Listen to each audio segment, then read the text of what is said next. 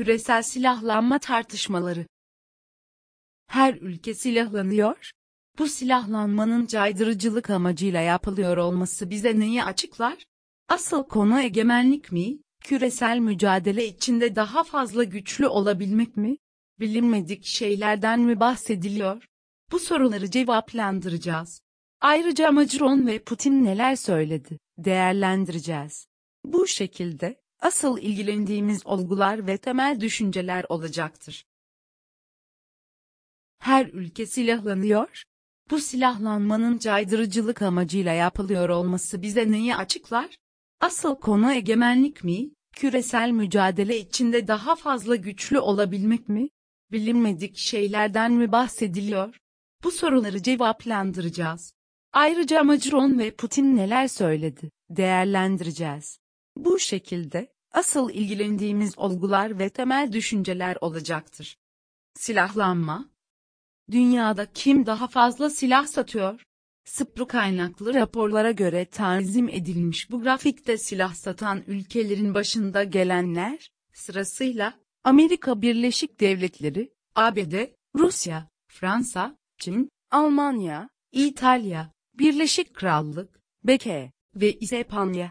10 yıllık mukayesede ilk döneme, 2012 ile 17 arasında, göre ikinci dönemde, 2018 ile 22 arasında, önemli bir artış söz konusudur.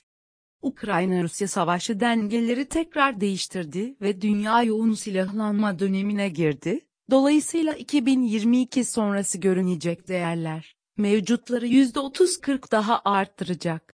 Bunu net olarak hazırlanacak raporlarda görebileceğiz. Egemenlik Şu kadarına deneyim, 1. Rusya savaşta, kendi ihtiyaçları bakımından yoğun bir çalışma içerisinde. Rusya, Ukrayna ve Moldova topraklarındaki iddialarına bakarak, egemenlik açıklamaları yapıyor. 2. Çin kademeli olarak silahlanma programlarını sürdürüyor. İlk hedefi 2027, ikincisi ise 2035 yıllarıdır. Çin bu periyotlarda her açıdan silahlanmasını arttırmaktadır. Çin'de tıpkı Rusya gibi, Tayvan konusundan mütevellit politikalarında egemenlik vurgusu yapıyor. 3. ABD, BK, Almanya şimdiden üretimlerini ve satın almalarını fazlasıyla arttırdı. Fransa üretip satmaya devam ediyor. Meselenin merkezinde bir egemenlik meselesi mi var? Rusya ve Çin, politik çıkışlarında egemenlik konusuna vurgu yapıyor ise bunların egemenliklerine kastedenler kimler? ABD, BK, Fransa gibi ülkeler mi? NATO mu? Batı medeniyeti mi? Liberal demokratik sistemimi de hatırlayarak? Caydırıcılık ve denge. Şimdi bu grafiğe göre bir tasnif yapalım. 1. Birleşmiş Milletler, BM, daim üyeleri, ABD, Rusya, Çin, İngiltere, Fransa. 2. NATO, ABD, BK, Fransa, Almanya, İtalya, İspanya. Şöyle yorumlar yapılıyor. 1. 5 BM daim üyesi ülke, diğerlerini sürekli silah satıyor. Bu nasıl olur da dünyaya barış ve istikrar getirir? 2. NATO en fazla silahlanan savunma paktı. Savaşa mı hazırlanıyor? İkisi de birbirine yakın değerlendirmeler. Burada atlanmaması gereken kavramlar caydırıcılık ve denge olmaktadır. Başat aktörlerin yöntemi şöyle oluyor. Caydırıcılık silah ile yapılır. Savaşı önleyen silahlanmadır. Bu NATO ise silahlanmak suretiyle kendini korumak, şeklinde açıklanmaktadır. BM daim üyeleri bağlamında değerlendirirsek, NATO ülkelerinin karşısındaki Rusya ve Çin, kendileri için gerekli gördükleri dengeyi sağlamak için silahlanmaktadır. Bu makaleden nükleer silahlar, nükleer caydırıcılık ve denge bahsine fazla girmeyeceğim. Ancak sizler de bu kıyamet silahlarının ne anlama geldiğini ve sürdürülen politikaların neler olduğunu düşünün isterim. Başat aktörlerin silahlandığı, silahlanmaya dayalı güç mücadelesi şartlarının düzenlendiği bir dönemde, diğer ülkeler ne yapacaklar? Bu duruma bakıldığında cevap belli, onlar da silahlanmalılar. Ama fark şurada, ya üretecekler ya da ittifaklar yoluyla silahlanma blokları içinde konumlanacaklar.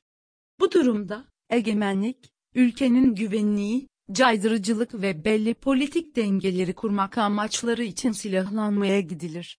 Bir de bütün bunları bir değişmez yöntem gibi görmek mümkün. Dolayısıyla, bu değişmez ana yol ve yöntem içinde kalarak gelişmek isteniyorsa bir şeye daha bakmak gerekiyor. Bugün refah toplumu olmanın bir yolu da ancak silahlanma ile açıklanır haldedir. Aslında egemenlik iddiaları ve bunu temin etmek adına girişilen güç mücadelesinin dinamik şartları silahlanmanın mecburi yolunu tarif eder. Algı Benim bir hususları açıklamamın nedeni ne?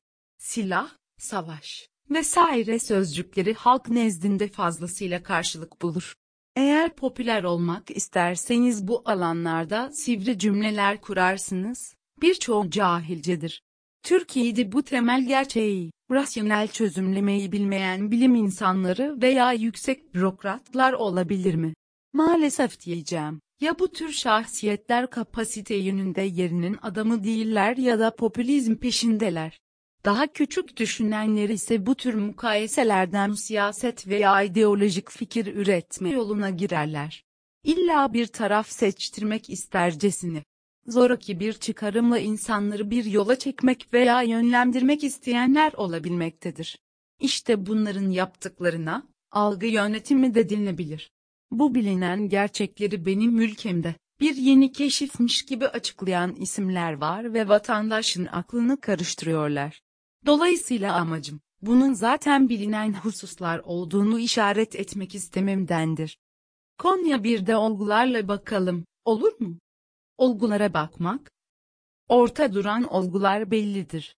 Savaşlar oluyor. Güçlü olan zayıf olanı eziyor. En basit açıklama böyle.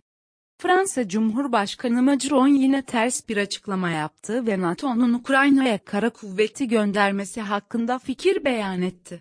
Macron, NATO harcamaları yönüyle katkısını az tutmak istiyor olabilir. Hedef %2 iken Fransa %1.64 civarında, ama gerçek açık, dünyaya üçüncü en çok silah satan bir ülkeden bahsediyoruz. Dün de Rusya Devlet Başkanı Putin ulusa seslendi. Macron'un Ukrayna'ya NATO kara kuvvetleri gönderme yönündeki görüşüne yönelik olarak Putin şunu söyledi. Böyle bir saldırının sonuçları trajik olacaktır. Avrupa topraklarına saldırabilecek silahlarımız olduğunu da bilmeliler. Peki bizim bakmamız gereken nasıl olgular neler? 1. NATO'nun genişlemesi, 2. 3. yılına giren Ukrayna-Rusya savaşı, 3. Küresel silahlanmanın artması, 4. Büyüyen ABD ve Rusya güç mücadelesi. Günümüzde asıl olgular bunlar iken, bazı kimselerin çok akıllıymışçasına, onu bırak, şunu tut dercesine yaptıkları anlatımlara başvurmaları beni hiç etkilemiyor. Fakat etkilenenler olabilir. Putin bu olgulara göre şunları söyledi, özetliyorum. 1. İsveç ve Finlandiya'nın NATO'ya katılımı, Rusya'yı ülkenin batı bölgelerindeki askeri varlığını güçlendirmeye zorluyor. 2. Rusya, batıya daha fazla güç yığar ise bu durumun etkileri neler olur, tartışmamız gerekir. 3. Batı, egemenliği için yorulmadan savaşan Rusya'yı yok etmeye çalışıyor. Egemenlik kavramı.